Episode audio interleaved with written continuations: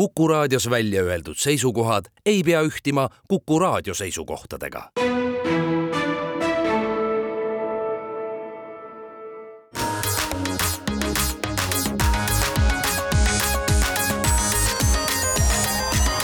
digitund.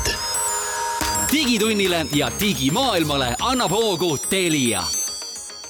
tere hommikust, head Kuku raadio kuulajad, on esmaspäev, neljateistkümnes august ja Digitunni stuudiosse on kogunenud Mait Tafenau, Indrek Vaheoja ja Andrus Raudsalu, et tuua teile möödunud nädala digiuudiseid. Ja saate teises pooles on meil rubriik kadunud, kadunud poeg naaseb koju. Ehk on meil külas Tanel Suurhans, kes on teatavasti siis USA äh, identiteedi tuvastamise ettevõte ID.me, mis muuseas on ka mitmekordne ükssarvik, siis eh, üks asutajatest ja tehnoloogiajuht eh, ja räägime siis tema elust eh, lombi taga ja ja sellest, kuidas siis USA-s ükssarvikuid kasvatatakse. aga esialgu siis uudised ja nagu ikka traditsiooniks räägime teile mõned turvauudised kõigepealt ära, et tuleb välja, et äh, kõik need, kes me siin oleme kuskil Zoomi konverentsis ja siis samal ajal klõbistame oma arvutiklaviatuuril mingisuguseid dokumente teha, oleme äh, teatud turvariski ees, nimelt siis Ühendkuningriikides nimet-, nimetute ülikoolide üliõpilased tõestasid seda, et kasutades tehisintellekti on võimalik siis eh, arvuti klaviatuuri klõbinast üheksakümne viie protsendilise täpsusega tuvastada see, mida siis täpselt seal arvuti peal trükitud on. kusjuures ja kui siis seda kasutada üle Zoomi, siis eh, tõepoolest täpsus natuke langeb, aga ainult üheksakümne kolme protsendini nüüd olge ettevaatlikud, kui te oma klaviatuuri koosoleku ajal klõbistate, et lülitage ikka mikrofon välja. Just ja eriti, eriti hull on vaata see, et, et veel tehakse mingisugune, et noh, et aitame teid kuidagi järje peale või et noh, et, et tulge nüüd sinna saidile ja sisestage oma salasõna onju. ei no tegelikult see on selles mõttes ka täitsa nagu, kui sa mõtlema hakkad selle peale, see klaviatuuri klõbin tegelikult ei ole ju niisugune ühesugune klikk, sa tegelikult ise juba kõrvega kuuled ja kuna meil on sõrmed, eriti kes trükivad kümne sõrmega, midagi teha pole erineva tugevusega, eks ju, ja, ja seal tekib teatud rütm, nii et selles mõttes täitsa nagu ootuspärane uuring, aga see, et see nii täpne on, see on muidugi kindlasti üllatus. Noh, eks ta ikkagi vanasti ei olnudki nii täpne, et noh, tehisintellekt teeb imesid, et võimaldab kõik, kõiksuguseid asju, aga nüüd üks eh, natuke võib-olla tõsisem turvauudis ka, kuigi ega ma ei, noh, seda ei saa nagu naljalt, naljana võtta, et mida te seal Zoomi all klõbistate, et et eh, nimelt on siis äh, Google'i üks juhtiv teadlane avastanud Inteli protsessoritest sellise turvariski, mis siis põhimõtteliselt võimaldab Äh, hästi varustatud häkkeril sisuliselt üle võtta protsessori juhtimine ja saada siis ligi praktiliselt kõigile süsteemi komponentidele. ja oluline on siis see, et äh, see puudutab protsessoreid, mis on valmistatud aastatel kaks tuhat viisteist kuni kaks tuhat üheksateist, noh, ma usun, et meie kuulajate hulgas mõni selline inimene võib veel olla, kellel selline Inteli protsessor arvutis on suhteliselt kindlasti on. jah, ja see on siis alates kuuendast generatsioonist ehk Skylake'ist kuni siis üheteistkümnenda generatsiooni ehk Rocket Lake'i ja Tiger Lake'ini, sest viimased protsessorid, kaksteist ja kolmteist generatsioon ei ole enam selle äh, probleemiga nakatatud ja Intel on siis ka äh, spetsiaalse mikrokoodi välja andnud, mis siis äh, selle probleemi lahendab, tõsi küll, võib see lahendus teie arvuti jõudlust natuke vähendada. See on see koht, kus ma arvan, et kõigile võib öelda, et noh, kõigil tekib kindlasti küsimus, et mis ma nüüd teaks, peaks tegema, eks ju, peaks selle arvuti nüüd ära viskama, mis iganes, et ma arvan, et ega see need Inteli turvanõrkused ja üldse need turvanõrkused, meil tuleb niivõrd palju pidevalt peale, et noh, hea on teada, et niisugused nõrkused on olemas, kas nendest lõpuni rohtu on, et nad paikaks kõik augud ära, noh tõenäoliselt ei ole, eks ju, et noh, päeva lõpuks on seal ikkagi lihtne reegel, et mida vähemate asjadega seal arvutis tegeled, seda kindlamini see turvaline on, eks ju, ja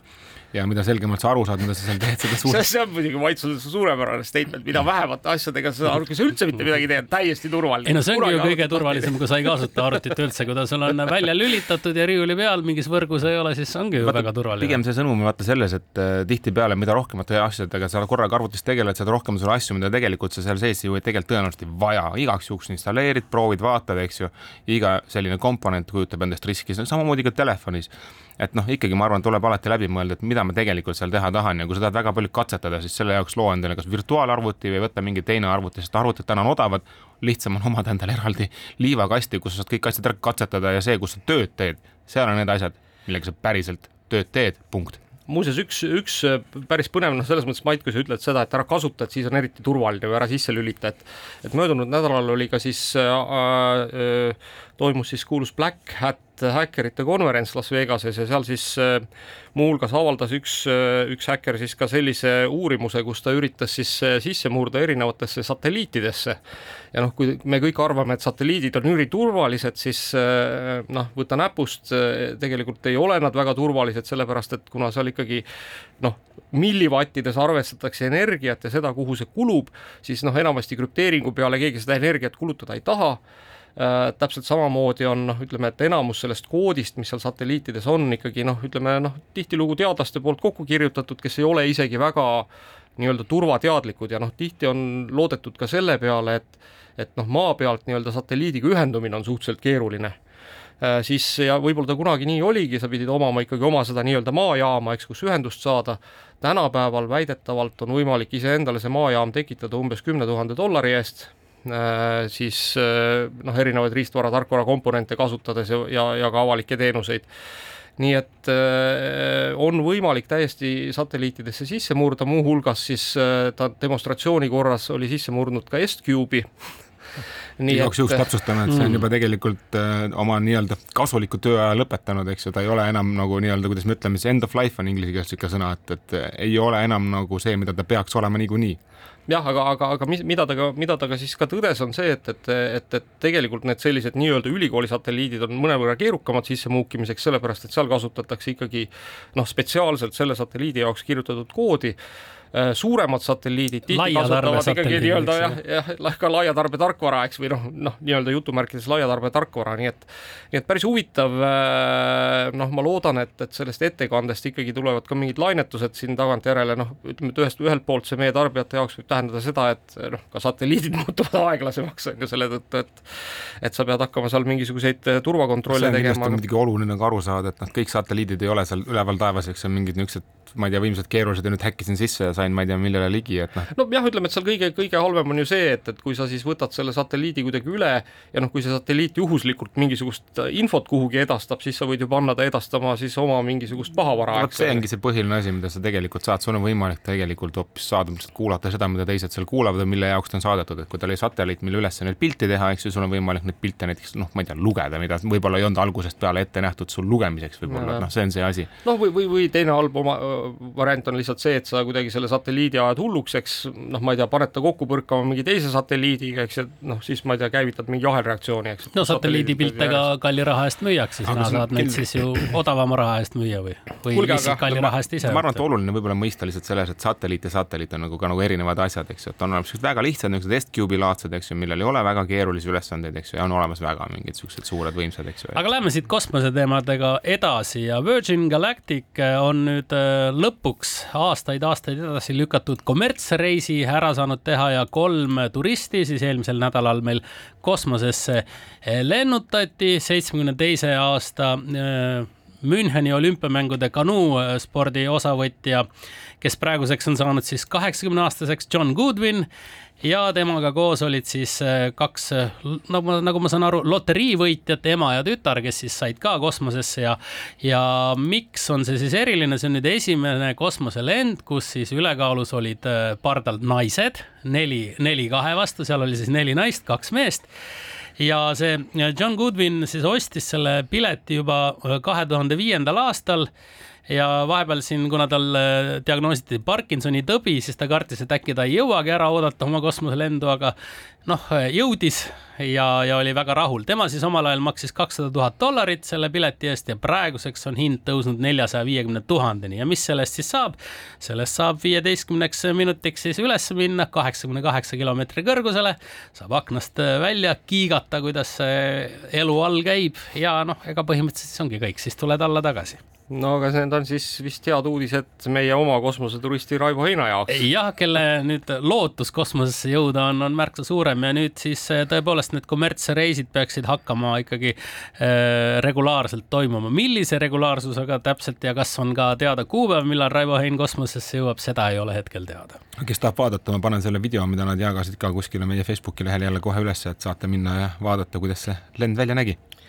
ja aga lähe-, jätkame ühe teise noh, võib-olla siis peaaegu et kosmilise uudisega, nimelt äh, viimase paari nädala jooksul on juba siin interneti avarustes kõvasti äh, siis äh, olnud teemaks äh, üks äh, leiutis nimega LK üheksakümmend üheksa. Ehk tegu on siis ülijuhtiva, väidetavalt ülijuhtiva materjaliga mille siis äh, valmistamine ei ole väga lihtne, et seal tuleb siis erinevaid äh, mingisuguseid oksiide umbes neli päeva mingisugusel väga spetsiifilisel moel koos keeta ja noh, lõpuks siis on tulemus selline, et äh, tuleb sealt välja ülijuhtiv materjal. kõlab et... nagu niisugune keskaegne alkeemiaõpiku. no põhim-, peaaegu, peaaegu, peaaegu, peaaegu nii jah. ja kusjuures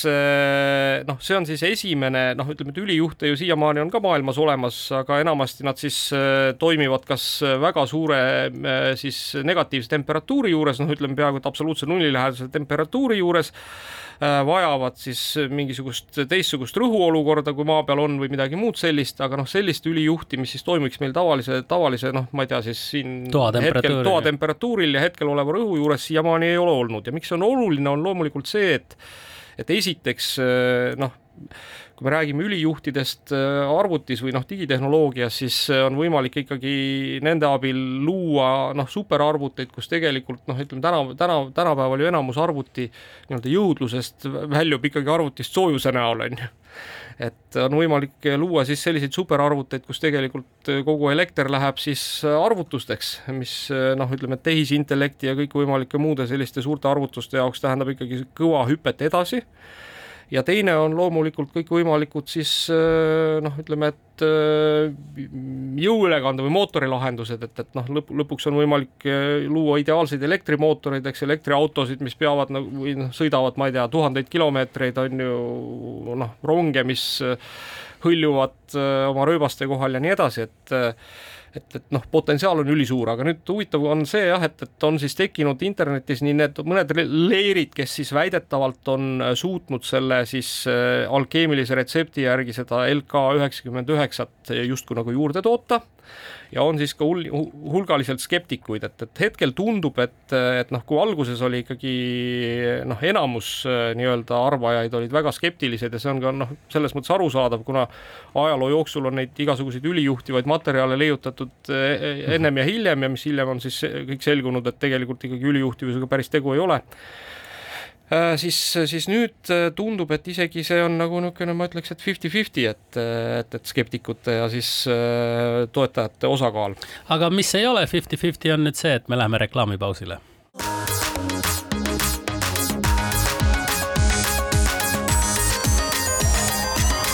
digitund. digitunnile ja digimaailmale annab hoogu Telia Mait Tafenau, Indrek Vaheoja ja Andrus Raudsalu jätkavad möödunud nädalate digiuudiste äh, läbivaatamist ja äh, ülijuhtivusega siis otsustasime nii, et Mait hangib meile järgmiseks korraks selle tükikese materjali ja siis vaatame järgi, et kuidas see juhtivus seal toimub. aga äh, lähme siit edasi ühe, ma ütleksin, et noh, ma isegi küsiksin retooriliselt, et kas sellist tehisintellekti me siis tahtsimegi. nimelt on siis Amazoni kliente tabanud uus äh, nuhtlus ja selleks on siis tehisintellekti poolt kirjutatud, võiks öelda jutumärkides raamatud, äh, mis on ka üles haibitud Amazonis kõvasti, tehisintellekt on andnud neile ka kõvasti siis positiivseid kommentaare. sajad ja sajad viie tärniga siis arvustused on ilmunud ja, ja noh, ütleme, et on siis mingisugused sellised spetsiifilised nišid, kus siis tehisintellekt eriti möllab Äh, ma arvan, et kõige siis äh, rohkem äh, pihta saanud on siis kõikvõimalike reisijuhtide nišš, noh, reisijuhte ei ole ju väga raske kirjutada, loed kaks reisijuhti läbi ja kirjutad ise kolmanda reisijuhi, et et, et nüüd on siis noh, siin ähm, New York Times tegi ka pika sellise ülevaate sellest, et, et, et mis seal siis toimub, et noh, näiteks hea näide on, et on ilmunud siis reisijuht Prantsuse noh, nii-öelda Prantsusmaa reisijuht, mis on kirjutatud Mike Stevensi poolt, kusjuures naljakas on see, et Ameerikas on siis tuntud äh, telesaatejuht ja, ja selline reisijuhtide kirjutaja Rick Stevens, noh, nii et on siis valitud üsna sarnane nimi ja, ja, ja Mike Stevens on siis saanud oma Prantsuse reisijuhi eest siis üle saja siis äh, jah, sellise viie tärni hinnangu maksab see natuke vähem kui Rick Stevensi raamat. see on ka üks äh, muidugi võlusõnum, miks need äh, nii popiks on osutunud, need võltsingud, et nad on circa kümme dollarit odavamad siis, eks ole, muidu on seal kahekümne viie, kahekümne kuue dollari juures äh, reisiraamatute hinnad ja need on niimoodi viisteist, kuusteist, üheksakümmend üheksa ja sellised hinnad, vaatad, opa, kohe just ja, ja, ja kui noh, ütleme, et eh, kui te siis selle peaksite ostma, noh, ütleme, et päris noh nagu täiesti dünamot ei saa selles mõttes, et midagi on seal ikkagi kirjas. noh, natuke on see tekst niisugune igav ja, ja, ja segane ja natuke vist ka iseennast kordav, nii et noh, ei ole nagu väga hea lugemine aga noh, ütleme, et äh, on võimalik äh, võib-olla ikkagi mingisugune ülevaade Prantsusmaast saada, aga nii et tasub olla igatahes äh, ettevaatlik, kusjuures, mis on eriti noh, millele siis tasub tähelepanu pöörata, et seesama Mike Stevens siis, kelle ka pilt seal raamatu juures siis üleval on, et siis see Mike Stevensi pilt noh, tundub, et on ai poolt joonistatud, kuna noh, näiteks kõrvarõngas ripub tal kuskil või noh, ma ei tea, väljub kaelast, mitte ei ripu kõrva küljes, noh mm. tavaliselt sellised väiksed ai trikid, eks, et, et et käel on kuus sõrme ja hambaid on rohkem kui kolmkümmend kaks. ma saan aru, et vist ongi niisugune kahte liiki natukene neid pettuseid, et ühed on sellised, kus ongi noh, põhimõtteliselt nagu tuimalt Vikipeedia erinevaid tekste üksteise otsa hunnikusse visatud ja teised on siis, kus on väga palju ka sellist ai loodud pildimaterjali juures et, et neid on niimoodi, aga loomulikult ei ole see asi ainult siis reisiraamatute ja, ja teejuhtide juures, vaid on ka järgnevad teemad, mis siis väga palju erinevaid skämme siis sisaldavad nagu toidu valmistamine programmeerimine, igasugused aiandusnipid, äri, siis käsitöö, meditsiin, samuti ka religiooni ja matemaatika raamatud, mis siis on ai poolt koostatud ja noh, mille sisu on küsitav nii et olge valvsad, kui Amazonist põhimõtteliselt ei saa midagi väga sealt ju tellida, et noh, et tuleb ikkagi väga täpselt kontrollida seda autorit, guugeldada üle ja kui sealt temale mingeid vastuseid ei tule kuskilt netist, no siis suure tõenäosusega tegu ikkagi pettusega on. nojah, Amazon on muidugi öelnud, et nad ikkagi ise võitlevad äh, väga tõsiselt äh, selle probleemiga ja noh, tõenäoliselt nüüd ilmselt peale seda New York Timesi artiklit hakkavad nad veel tõsisemalt võitlema, sest ega lõppkokkuvõttes ka nende renomee on ju ikkagi praegu nii-öelda tule all, et, et kes siis sealt Amazonist ikka midagi tellida tahab, kui sa võid nagu viiekümneprotsendilise tõenäosusega saada noh, ütleme keskpärase tehisintellekti kirjutatud toote. aga noh, siin on muidugi oluline silmas pidada, et hind näitab kvaliteeti aga lähme ai teemadega edasi. Ja Spotify on nüüd äh, jaganud veel uut informatsiooni äh, uute teenuste kohta ja noh, sellest, et on olemas siis äh, tehisintellekti poolt juhitud DJ teenus maailmas, mis noh, meil veel Eestis muidugi kättesaadav ei ole, aga nüüd on sinna siis juurde tulnud selline vanakooli DJ-de põhi kuskil äratundmisrõõm, et äh, sünteetilise häälega siis räägib DJ ka siis jutukesi vahele sinu lugudele. ja see on, see on, ütleme, et äh, noh ma ikkagi hea meelega tahaks isegi kuulata, et, et kas on, ma ausalt öeldes ei ole kuulanud, Ints, kas sa oled proovinud? kuule, ei ole kuulanud, ma lugesin kirjeldust ainult selle vastu, et millest siis nii-öelda ai DJ räägib, ta räägib sellist kerget noh, ma ei tea, loba ja, ja natukene ka siis informatsiooni siis lugude kohta, mis puudutavad siis noh, spetsiifilisi lugusid, neid esitajaid, kes, kes neid lugusid siis ette kannavad ja, ja kaasa arvatud siis see informatsioon nende esitajate kohta, keda sa oled varasemalt kuulanud, nii et põhimõtteliselt mõne sellise eh, kehvema raadio saaks asendada võib-olla täiesti vabalt, kus öeldaksegi lugude pealkirju. paneme, paneme nüüd Spotify mängima. jah, ja nii ongi. põhimõtteliselt tegelikult võiks öelda niimoodi, et vaata, kui Spotify's niisugune nagu see DJ, kes mussi valib, tegelikult on ju kogu aeg olemas, et mängi mulle mingit niisugust tüüpi muusikat ja väga hästi ja hakkab hakkama. sulle viskama uusi ja uusi, uusi artiste. aga Spotify kuulamisega võrreldes raadioga on ju suur erinevus tõesti selles, et noh, tegelikult eriti kui sa öösel mõnikord paned taustaks, eks ju, ja sa ikkagi vahel tahaks kuulata, et keegi ikka räägib, et sa pole päris üksi hulluks minemas, et selles mõttes see on päris äge lisateenus. aga noh, kui ta kõlaks ka nagu hästi, et see on see põhiline või räägiks midagi olulist näiteks selle laulu kohta või noh, nagu ikka DJ. no jaa, vaata teine asi on ka see, et, et kui sul Spotify uut mussi viskab ette, sa ei jõua teinekord, no ma ei tea, kui sa midagi muud teed, reageerida artistile, et, et noh, et, et jääks meelde, et kes see oli ja nii edasi, aga kui ta nüüd sulle ütleb ilusasti, et kes see on ja mis ta oma vabal ajal teeb ja, ja kas on vaba ja vallaline näiteks, kui on selline huvi, et, et siis on ju igasuguseid põnevaid võimalusi. aga eesti keeles võiks öelda mitte DJ, vaid tegelikult ikkagi raadiosaatejuht, eks ju, kes siis nagu mängib mussi ja, ja oskab nagu midagi lisada. jah, aga, aga selleks, et tulevikus, tulevikus kuulete ka digitundi nii, et paneme Spotify tunni alguses mängima. ja siis kunstliku häälega keegi loeb info ette, aga no need riigid, kus on võimalik sellist DJ-d kuulata, on siis praegu Ameerika Ühendriigid, Kanada, Rootsi, Austraalia, Uus-Meremaa Ghana, Nigeeria, Pakistan, Singapur ja Lõuna-Aafrika Vabariik, et muud, muud riigid praegu veel, Euroopa ja. Liidu riigid näiteks ei ole sinna veel ja noh, ütleme, et meie ei pea ikkagi väga veel hirmul olema, sellepärast et esialgu see DJ räägib ainult inglise keeles nii et kui muud ei jää, siis selline tõlkimise rõõm ikkagi meile, eks ju, jääks. ja, aga lähme siit veel tehisintellekti uudistega edasi, et äh, minu arust äh, päris põnev uudis tuli Inglismaalt, äh, seal on siis selline ettevõte, mille nimi on Lab Genius ja mis on keskendunud sellele, et Äh, tehisintellekti abil äh, sünteesib äh, siis inimkehale vajalikke antikehasid, noh, nii nagu me kõik teame, eks, et, et siis enamasti kaitseviiruse vastu toimub nii, et et meile tehakse väikene vaktsiinisüst, kus siis on noh, nüüd erinevalt vaktsiinist, kas siis need viiruseosakesed või siis juba mingisugune äh, nii-öelda modifitseeritud RNA, mis siis aitab meie rakkudel ära tunda, et milliseid antikehasid peaks tootma ja noh, siis keha hakkab neid tootma, eks, või noh, kui te haigeks jääte, siis samamoodi keha hakkab neid tootma, aga kehal läheb enamasti ikkagi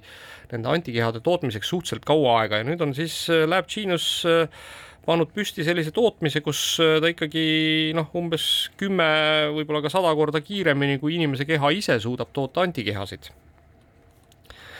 nii et tulevikus siis noh, Äh, ütleme, et äh, lisaks sellele või, või noh, ütleme, et või võib-olla ka selle asemel, et teile tehakse siis mingisugune vaktsiinisüst, võidakse teile otse süstida siis mingisuguse haiguse vastaseid antikehasid. kuulge, ma viskan siia võib-olla paar niisugust tehni-, tehnika nagu või, või viisakalt öelda nohikute uudist ka siia kõrvale, mis minule nagu põnevad olid. kas me hakkame tõesti Dungeons and Dragonsist rääkima? ei, ei, seda, see ei tundunud mulle nii põnev, kui hoopis tegelikult äh, on siiamaani nagu arendajad töötavad tihtipeale niisuguse tööriistaga, mida nimetatakse IDEX ehk siis integreeritud selline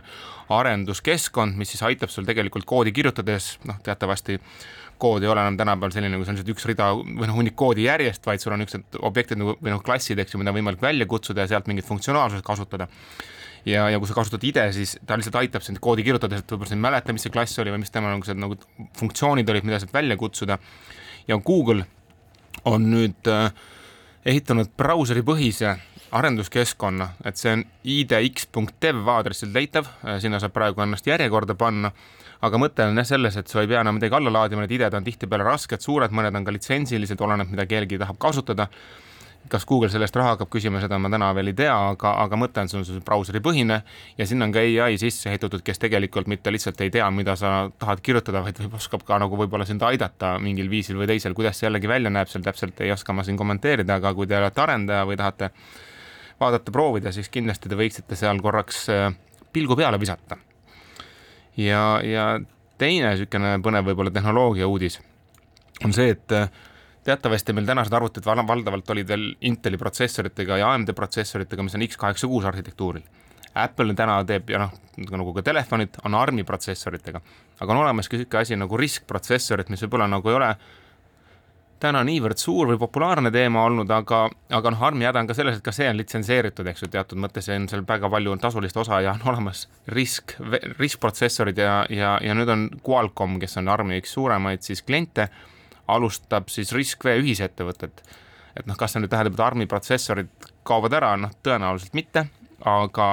aga kindlasti on niisugused kohad, kus võib-olla on vaja odavat protsessorit, millel, mis ei oleks nagu, mis oleks täiesti vaba, mida võivad kõik nagu pehmelt öeldes arendada, siis, siis tundub, et see on üks niisugune asi, või noh, ütleme siis tehnoloogia, mis hakkab arenema, et, et kui te olete niisugune tehnoloogia fänn, siis tasub jälgida. Üks uudis siia veel ka selliselt äh, firmalt nagu Zoom. Ja Zoom on nüüd teadanud seda, et äh, lõpetab sellise pulli ära, et tema töötajad võivad kodus äh, läbi Zoomi töötada. et äh, see äh, aeg on nüüd mööda saanud ja kõik töötajad, kes siis elavad viiekümne miili raadiuses siis kohalikust Zoomi kontorist, peavad vähemalt kahel päeval kindlasti kontoris kohal käima. mul tuli kohe kaks küsimust. esimene küsimus on selles, kas Zoomi aktsia langes ei ole hetkel veel kontrollinud, aga noh, ei saa, ei saa kinnitada ja ei lükka ka ümber. ja teine põnev küsimus, millele tõenäoliselt me vastata ei oska, on see, et kas töötajad hakkasid ennast nüüd maale vanaema juurde sisse kirjutama, et et saaks kaugemale elada.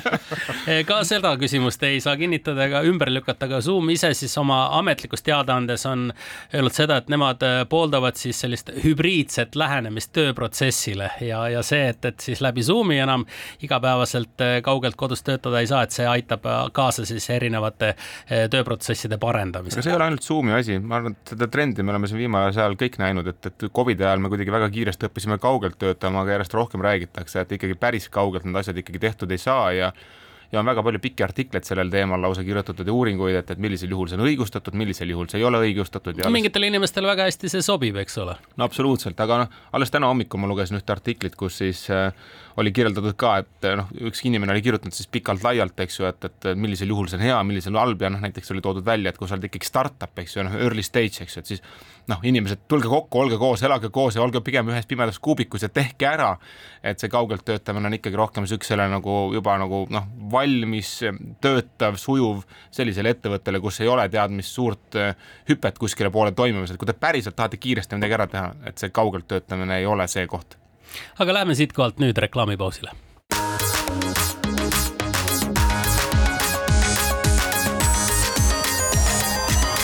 digitund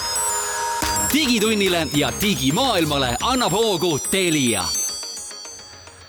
digitunni teine pool algab nüüd, stuudios on Mait Tafenau, Indrek Vaheoja ja Andrus Raudsalu ja selle teise poolega koos algab siis rubriik Ükssarvik annab aru. aru andmas on meil äh, Tanel Suurhans, kes on äh, USA identiteedi pakkumise firma ID.me kaasasutaja ja tehnoloogiajuht. Tere, Tanel! tere, tere! Tore on näha sind taas kodumaal käimas, et ma ei tea, kui tihti sa käid Eestis? ma ikka üritan iga paari aasta tagant korra käia, enne, enne väikeste laste tekkimist käisime tihemini, aga lastega on keeruline, siis üritame vähemalt iga paari aasta tagant käia, et tekiks seda võõrandumist lastel.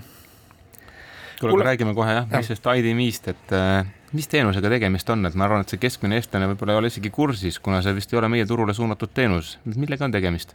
täpselt, äh, see nii-öelda elevator pitch on selle siis, et see on äh, PayPal sinu online identiteedi jaoks. et eesmärk on teha kindlaks, et sina oled päriselt sina, noh Eestis on see hästi lihtne, Eestis on kõigil ju kohustuslik ID-kaart, on vist kohustuslik, on ju, ja kõiki teenuseid saad ID-kaardi kasutada, noh USA-s sellist asja loomulikult ei ole, et seal ei ole inimestel isegi passe, sest et nad kardavad, et valitsus äh, hakkab neid jälgima, kui nad passi teevad endale. siis Maksab... meie eesmärk on nagu pakkuda neile äh, sarnane teenus, et noh, nad saaksid ligi kas siis eh, riiklikele teenustele või siis eh, noh, era, era, eraettevõtted pakuvad hästi palju seal näiteks sõjaväelastele allahindlusi, et sellistele teenustele saaks ligi, et meie siis teostame selle verifitseerimise ja siis nemad saavad seda kasutada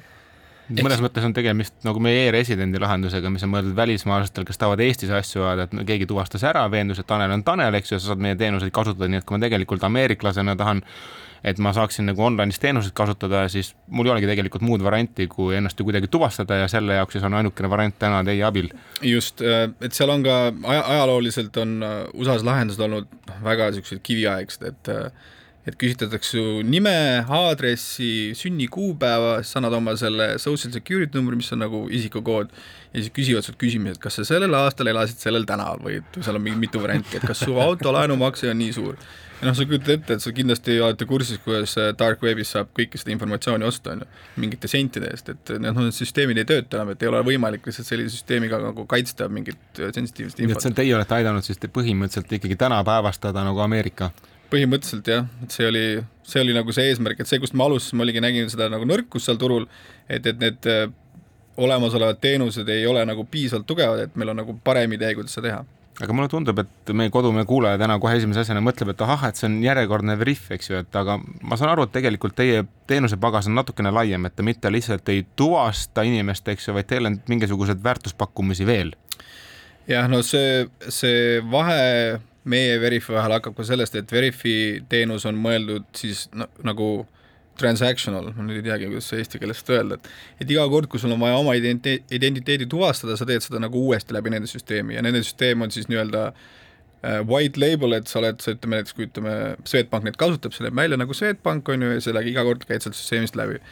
meie idee on see, et sul on, on nagu ID.me digitaalne rahakott sa teed seda identi, identiteedi verifitseerimist üks kord, siis on sul selle rahakotis olemas ja saad seda kasutada igal pool, kus sa tahad, kus meie see integratsioon olemas on. et see on nagu esimene suur vahe, et me ei taha, et see kasutaja peaks nagu mitu korda seda asja tegema ja see on ka brändi, bränditud täpselt siis nagu meie, et kasutaja teab, et see on nagu noh, meie, meie oma, nagu PayPal täpselt. et sealt tulebki see PayPali analoog, et igal pool, kus sa lähed kuskil internetis midagi ostma, näed PayPali nuppu, sa tead, et sul on PayPali konto, saad hästi kiiresti, on ju, paari klikiga on kõik makstud, on ju. et sa ei pea krediitkaardi infot iga kord uuesti sisse panema.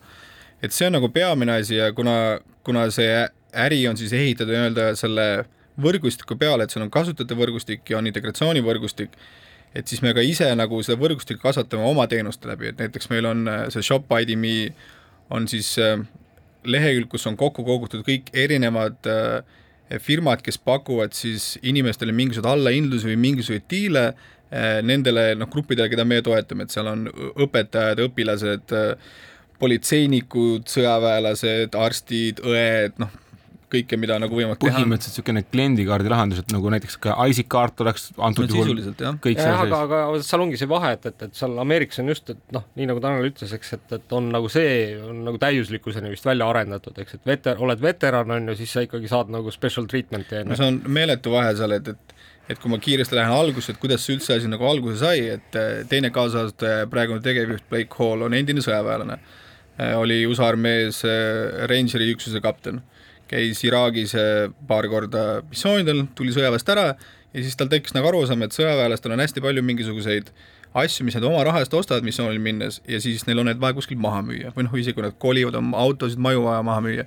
siis esimene versioon sellest teenusest oli põhimõtteliselt Craigslist, aga sõjaväele, et kus sa saad nagu ainult sõjaväelased saavad üksteisele müüa osta, noh, sest see usaldustase on kõrgem sõjaväelaste ajal ka, on ju siis sellest äh, tekkis arusaam, noh siis läksid need äh, päevadiilid olid hästi populaarsed, Group on Living Social, sellest siis nagu sai äh, sait, kus erinevad firmad nägid, et oi, et siin on palju sõjaväelasi, et äkki saaks meie pakkuda oma mingisugust seda päevadiili teie kaudu nagu. Läks päevadiilide saidiks ja sealt siis tuli välja, et kaupmehed hakkas küsima, kuule, et ma ei taha panna oma diili sinu lehele, et kas te ei saaks seda tehnoloogiat meile müüa, et kuidas ma saaks teha kindlaks, sa oled sõjaväelane nagu et Under Armour oligi üks esimene, esimesi suuri kliente, kes noh, nendel on olnud algusest peale hästi selline sõjaväge, sõjaväelasi toetav äh, nagu kampaaniad ja nemad tahtsid oma lehele seda integratsiooni, et me saame siin teha seda, siis tekkis see pirni moment, oota, et siit võiks ju hoopis seda müüa. et see päevadiili asi on niikuinii noh, kõik teevad seda, on ju. Ja sealt hakkas kasvama, hakkasid need ettevõtted, kes tegid meiega koostööd, hakkasid küsima, et no mis teil veel on, kas teil, kas õpilased on suur grupp, õpetajad on suur grupp, et kas te saate veel nagu need toetada. ja sealt siis loomulikult kasvas välja, et et kõik su need äh, nii-öelda kaardid, mis sul rahakotis on, on tegelikult seotud sinu identiteediga. et see on nagu kõige alus ja siis sinna peale hakata ehitama, et siis sealt tuli see arusaam, et peaks nagu keskenduma nagu selle identiteedi osale ka. et põhimõtteliselt võiks tegelikult siis niimoodi öelda nagu sarnaselt PayPalile, et need kõik lisateenused, mis te juurde arendasite, said palju suuremaks äriks kui see asi, mille peale see või mille jaoks? jah, ma arvan, et kaks pivotit oli põhimõtteliselt ettevõttel enne, kui jõudis ID.me-ni, et esimese nimi oli TroopSwap, mis oligi, et noh, see on see vahet, vahetus selline, siis sellest sai Troop ID, mis oli siis see nagu sõjaväe identiteedi nagu kaart ja siis sealt tuli ID.me lõpuks. kuule, aga mis, mis hetkel sina join isid um,? no ma tegin äh, selle, selle founder'iga koostööd äh, juba kuskil kaks tuhat kümme lõpus natukene um, ja siis kaks tuhat kolmteist oli see, kui ma kolisin, et seal ütleme, et siis, kui sellest äh, TroopSwapi sai Troop ID kuskil sellel ajal mm, -hmm ja siis oli juba juttu sellest identiteedi osast ka ja noh, mulle meeldis see nagu visioon ja Eestis oled, siis sa oled ju seda ID-kaarti kasutanud, siis näed, et oota, et miks teil ei ole niisugust süsteemi, et see on ju hull võimalus, noh, see on kolmsada kolmkümmend midagi miljonit inimest, see on meeletu võimalus. noh, muidugi ma olin natuke naiivne, kui ma sinna läksin, ma arvasin, lihtsalt käibki, et on üks suur riik ja kõik tahavad ühte asja ja lähme. kohale jõudsid, aru said, et viiskümmend osariiki on ja need põhimõtteliselt kõik teevad, mida tahavad kõigil mingid omad arusaamad asjadest. nõus ei ole, kui keskvalitsus ütleb, et teeme nii, siis kõik on risti vastupidi umbes. noh, et, et see, see nagu äh, challenge oli seal kindlasti, aga noh, see visioon, et kuidas see toimida võiks, oli üle Eesti põhjal nagu hästi selge, et et see on, meie jaoks on see normaalne, no seal on see ikka, mingid teenused olid täitsa kiviajas kümme aastat tagasi nii et mõnes mõttes võiks öelda, et Eesti nagu riigis elades, kasutades ja aru saades, mis tegelikult võiks töötada, on aidanud võib-olla siis täna ameeriklastel saada paremat teenust, et, et no, nad otseselt ei taju seda, aga põhimõtteliselt. loodetavasti jah, et, et et see on nagu kuidagi see ideaalajad ees, et ma noh, seal inimestele kirjeldan, et saate aru, et Eestis maksude maksmine tähendab seda, et sa logid ID-kaardiga sisse, vajutad viis korda jätka ja on kõik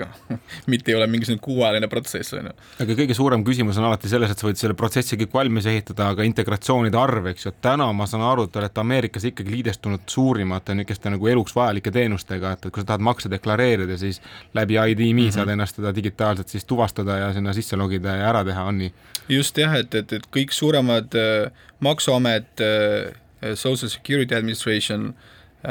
seal on ka see veteranide, Veterans äh, Association hästi suur, et need on kõik nagu meie, meiega integreeritud ja siis paljudes osa, osariikides ka, et äh, USA-s sellist ütleme, töötukindlustust ei ole, nagu Eestis näiteks on, aga kui pandeemia pihta hakkas, noh siis oli ju hästi palju inimesi, kellel, kes töö kaotasid ja siis hakkasid osariigid ise pakkuma igaüks omal moel seda töötukindlustust nagu. ja nüüd selle kaudu olemegi siis äh, kuskil kolmekümne osariigiga ka integreeritud praeguseks. kui lihtne või raske üldse riigiga läbi rääkida on, et noh, ma mäletan, lugesin seda Nike'i asutaja raamatut kunagi, kus ta kirjeldas väga hästi, kuidas nad teid ametniku lõksu pehmelt öeldes, seal väga keeruline situatsioon tekkis, et, et kui lihtne või raske on üldse nagu jõuda selleni, et, et sind usaldatakse ja ja sind võetakse tõsiselt ja, ja et sa saad sellest ametniku jutust nagu järgmisele tasemele ja, ja, ja mingi kindluse no seal on jah mitu asja, et, et usaldus käib muidugi selle kaudu, et on, seal on riiklikud programmid äh, üks on siis küberturvalisuse koha pealt on niisugune programm nagu FedRAMP, kes siis federal government ütleb sulle, et sul peavad olema neid nõudeid kõiki nagu täitma, et siis me anname selle sertifitseeringu sulle ja siis sa võid riigiga koos midagi teha. no seda me tegime pool aastat, siis teine osa on see, et see identiteedi verifitseerimine ise käib veel äh, on selline agentuur nagu NIST, see on siis National Institute of Science and Technology, kes on defineerinud, kuidas, kuidas tuleb teha nagu identity verifitseerimist, et see vastaks mingi föderaalvalitsuse nõuetele. no seda tegime aasta. et sul peavad olema need asjad tehtud, et sa üldse saaks nendega rääkida ja siis, kui näiteks Maksuametiga rääkisime, siis äh, meil oli juba firma sees nali, et me mõõdame seda aega nagu, et kui mitu last äh, meil tegevjuht nagu on saanud selle aja jooksul. ta jõudis kaheni, jõudis kahe pooleni, et seitse aastat võttis aega see. kuulge, aga lähme siit korraks äh, reklaamipausile ja siis oleme juba mõne minuti pärast tagasi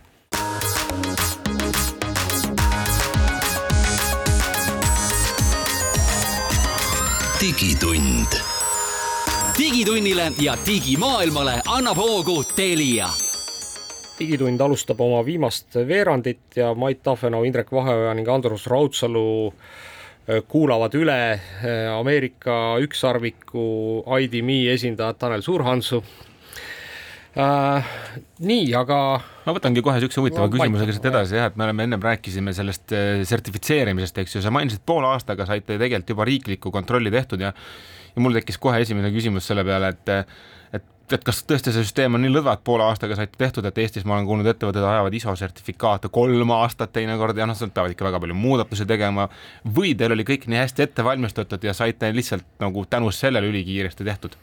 nii ja naa äh,, alguses, kui me seda protsessi tegema hakkasime, siis meid hirmutati jah, et see on kuskil kaksteist kuud, tavaliselt on, maksab see kuskil miljon peale ja peaks olema umbes tiim kümme-viisteist inimest, kes sellega tegelevad kogu selle aasta aega no me pigistasime välja vist nelja kuuga ja kolme inimesega põhimõtteliselt kogu selle kupatuse. ja ma ei ütleks, et me olime võib-olla ette valmistatud, aga noh, me ikka töötasime mingisugused need kolm-neli kuud niimoodi, et ööd ja päevad, et ma mäletan, ma olin Eestist suvel tegelikult siin mingisugune kuu aega sellel ajal ja oligi, mina töötasin terve päeva Eesti aja järgi, siis kui hakkas seal päev, võttis teine tüüp üle, temaga veel töötasime pool päeva koos, siis läks mina magama, tema lasi oma öö lõpuni ja siis hommikul jälle vahetasime. Ja noh, niimoodi käis siis mitu nädalat järjest näiteks siin, et kui ikka vaja on et saaks tehtud, siis saab tehtud, noh. vot see tähendab tegelikult, mis tähendab elu startup'is, et te mõtlete, et tulen hommikul tööle ja siis tahan juba lõunast koju minna ja reeded vabaks ja esmaspäevad vabaks ja üldse parem, kui kontoris ei käiks, siis noh, kuulsite just, et kakskümmend neli tundi vahetuses, et hullem kui taksojuht, et ja sellel ajal on vaja väga produktiivne olla, et see pole lihtsalt, et ma tegin midagi, eks ju aga võib-olla võtaks korraks lahti sellega, selle võib-olla mudeli, et, et kust te raha teenite või, või, või, või, või nojah, meie, meil on äh, eesmärk, kaks eesmärki lõppkasutaja suhtes, et me kunagi küsida, ei küsi lõppkasutaja käest mingit raha selle teenuse eest ja me mitte kunagi ei müü mitte mingisugust infot lõppkasutaja kohta, et need on olnud nagu esimesest päevast saadik, et neid asju noh, ei, ei, ei ole mingit kompromissi nende peal et meie mudeliks on siis, et lõppkasutaja saaks mingit teenust kasutada, siis sellel teenusel on mingi pakkuja, kelle huvides on, et kasutaja pakuks seda, et meie siis nagu küsime raha nende käest, selle teenusepakkuja käest, et ka lõppkasutaja saab alati oma asja lihtsalt kätte eh, ilma midagi maksmata, et see on, see on nagu eesmärk. ja noh, ärimudeli puhul on ka muidugi, et, et kui su kasutaja on juba, tema identiteet, identiteet on verifitseeritud juba, loomulikult on see odavam äh, kui nagu esimest korda teha seda verifitseerimist. ja siis näiteks riiklikul tasemel ongi, kui üks agentuur äh, teeb selle verifitseerimise ära, siis järgmine agentuur saab nagu odavamalt kasutada seda identiteeti. et noh, on selline äh, soodus neile nagu pakutud ka, et, et see aga samas on nüüd tulemas turule ja kõik need räägivad Apple Wallet ja Google Wallet ja noh, muidugi me ootame iga kord nagu jälle, kui tuleb mingi uuendus, et noh, et oleks jälle ägedam ja, ja kõik nii edasi, eks ju, et, et kuidas see nüüd kõik teiega suhestub, et, et kas see kuidagi nagu, kas nad üldse konkureerivad teiega, et kas võib-olla nagu nende toode on üldse mingi teistsuguse kasutusjuhtumi jaoks mõeldud, aga noh, Apple hetkel äh, jahib seda turgu jah, ja ma nüüd ei tea, kas Eestis seda juttu on olnud, aga USA-s on hästi palju juttu mobiilsest juhiloast et ongi MDL standard on ja Apple tahab siis oma nagu sellesse rahakotti, et sinu load on seal, nad vist teevad isegi kolmes osariigis pilooti praegu sellega. noh, me oleme, meil on nagu see küsimus, et paljudel inimestel iPhone on. et näiteks kui sa tegeleme Maksuametiga, siis äh, rohkem on vaja isegi sellel äh, Maksuameti lehele ligipääsu inimestele, kes on madalamatest äh, sissetuleku nagu vahemikest. ja nendel ei pruugi olla nagu kõige viimast smartphone'i äh,, isegi kodutud inimesed, kellel ei ole nagu aadressi, nendel on ka vaja ka, kasutada riiklikke teenuseid et ma arvan, et seal on ka see suur vahe, sest meie üritame nagu sihtida just, et nendele inimestele, kellel on vaja neid teenust kasutada, et kuidas nemad saaksid kasutada, kui samas Apple'il on noh, ikkagi on natuke jõukam äh, sihtgrupp, kellel on, on iPhone olemas.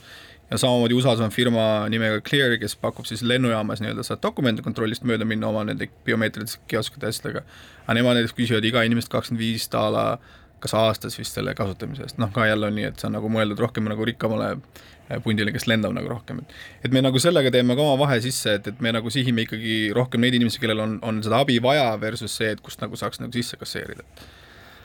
aga kuidas see, ütleme, et okei okay,, et sa, ma saan aru, et sa võib-olla ei saa meile siin välja öelda täpseid summasid, aga, aga kas see loogika on siis see, et, et noh, et, et kui näiteks ma ei tea, mingisugune agentuur, riiklik agentuur peab inimese tuvastama, noh, enamasti noh, tal kulub selleks, ma ei tea, mingisugune aeg, mis võrdub rahaga ja nüüd see teie väärtuspakkumine on siis see, et äh, ta saab selle tehtud kiiremini või noh, ma ei tea, väiksema vaevaga, mis noh, aitab tal kokku hoida raha, millest te siis osa endale küsite, saan ma õigesti aru? jah, ja äh, tegelikult on väga äge, et sa sellele ütlesid, aeg võrdub raha, sest meie eesmärk on säästa ka raha, aega lõppkasutajatele. Sest kui sa peaksid iga kord, ütleme seal Maksuameti sisse logides tegema oma seda identiteedi verifitseerimise uuesti, mõtle, kui palju aega sul selle peale läheb ja kui sa teed seda ühe korra ja järgmised korrad on seal lihtsalt üks klikk ja kõik oled sees, see ju säästab meeletult sinu aega. Ja samamoodi siis nagu agentuurile, et nemad ei pea ise seda tegema, et nende jaoks on ka selle ajasääst ja nende jaoks on loomulikult kulusääst, et neil ei ole vaja seal oma kliendi tuge ei ole vaja, ei ole vaja oma tiimi, kes seda ehitab ja kõik sellised ka, et et see, me, meie üks suur eesmärk ongi, et kui palju me suudame inimestel nagu aega säästa nende elust mingite selliste mõttetute protsesside peale, et kui sa lähed näiteks seal arki ja seisad seal leti taga mingisugune neli tundi ootad oma järjekorda, milleks seda vaja on, kas seda internetis saad teha, et mõtle, kui palju aega säästaks, on ju. palju teil, palju teil praegu kliente on? Noh, ma mõtlen siis neid e-, eraisikuid, kes on ennast kasutajaid. kuidagi identifitseerinud, kasutajaid äh,. kuskil üle saja kümne miljoni on praegu kasutajaid, jah okei okay,, see on ikkagi päris austust vääriv äh, arvet, et kas, kas te olete kuidagi nagu Ameerikas äh, piir, piiranud ennast mingite osariikidega või teil on nagu üle kogu Ameerika hetkel? täitsa, täitsa vabalt üle kogu Ameerika ja osaliselt Kanadas ka tegutseme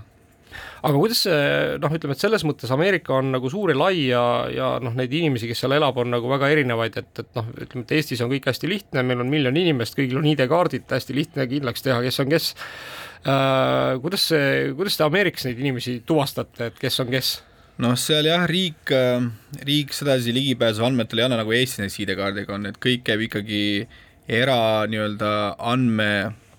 müügiga tegelevate ettevõtete pealt, on ju. mis on noh, omamoodi jälle, et, et ongi see, et kõik on müügiks, on ju, kõik seda infot müüakse,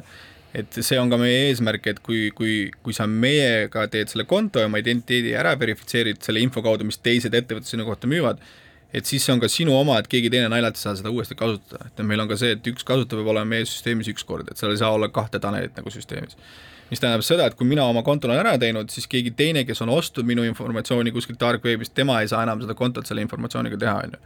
et see on ka mõnes mõttes nagu natukene kaitse nende ettevõtete vastu, kes siis vabalt seda infot igal pool kogu aeg müüvad mm. -hmm. aga kuidas sa, kuidas sa kindlaks teed, et Tanel on Tanel, et see ei ole mingi dark web'i Tanel? või vähe sellest, Taneleid võib olla mitu tükki, eks ju, et noh, seal on äh,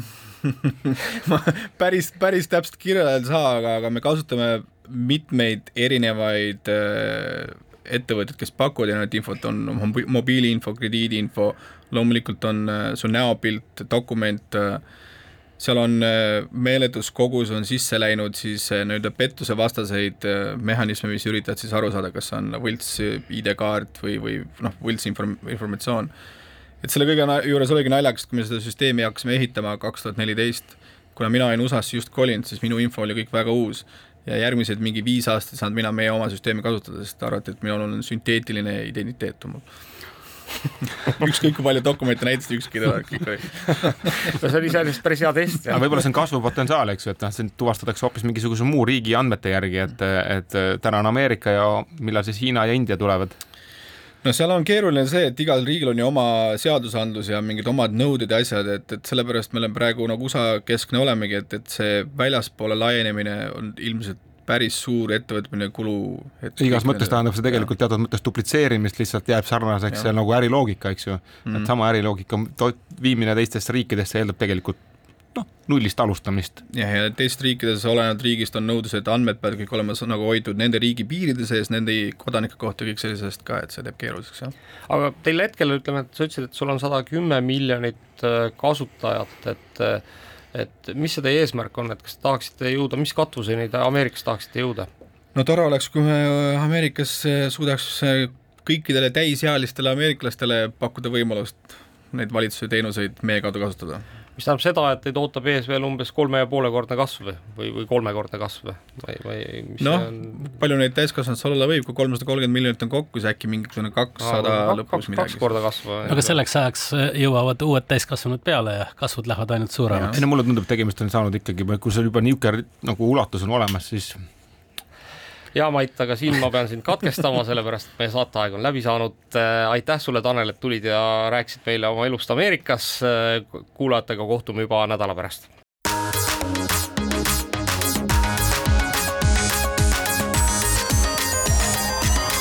digitund. digitunnile ja digimaailmale annab hoogu Telia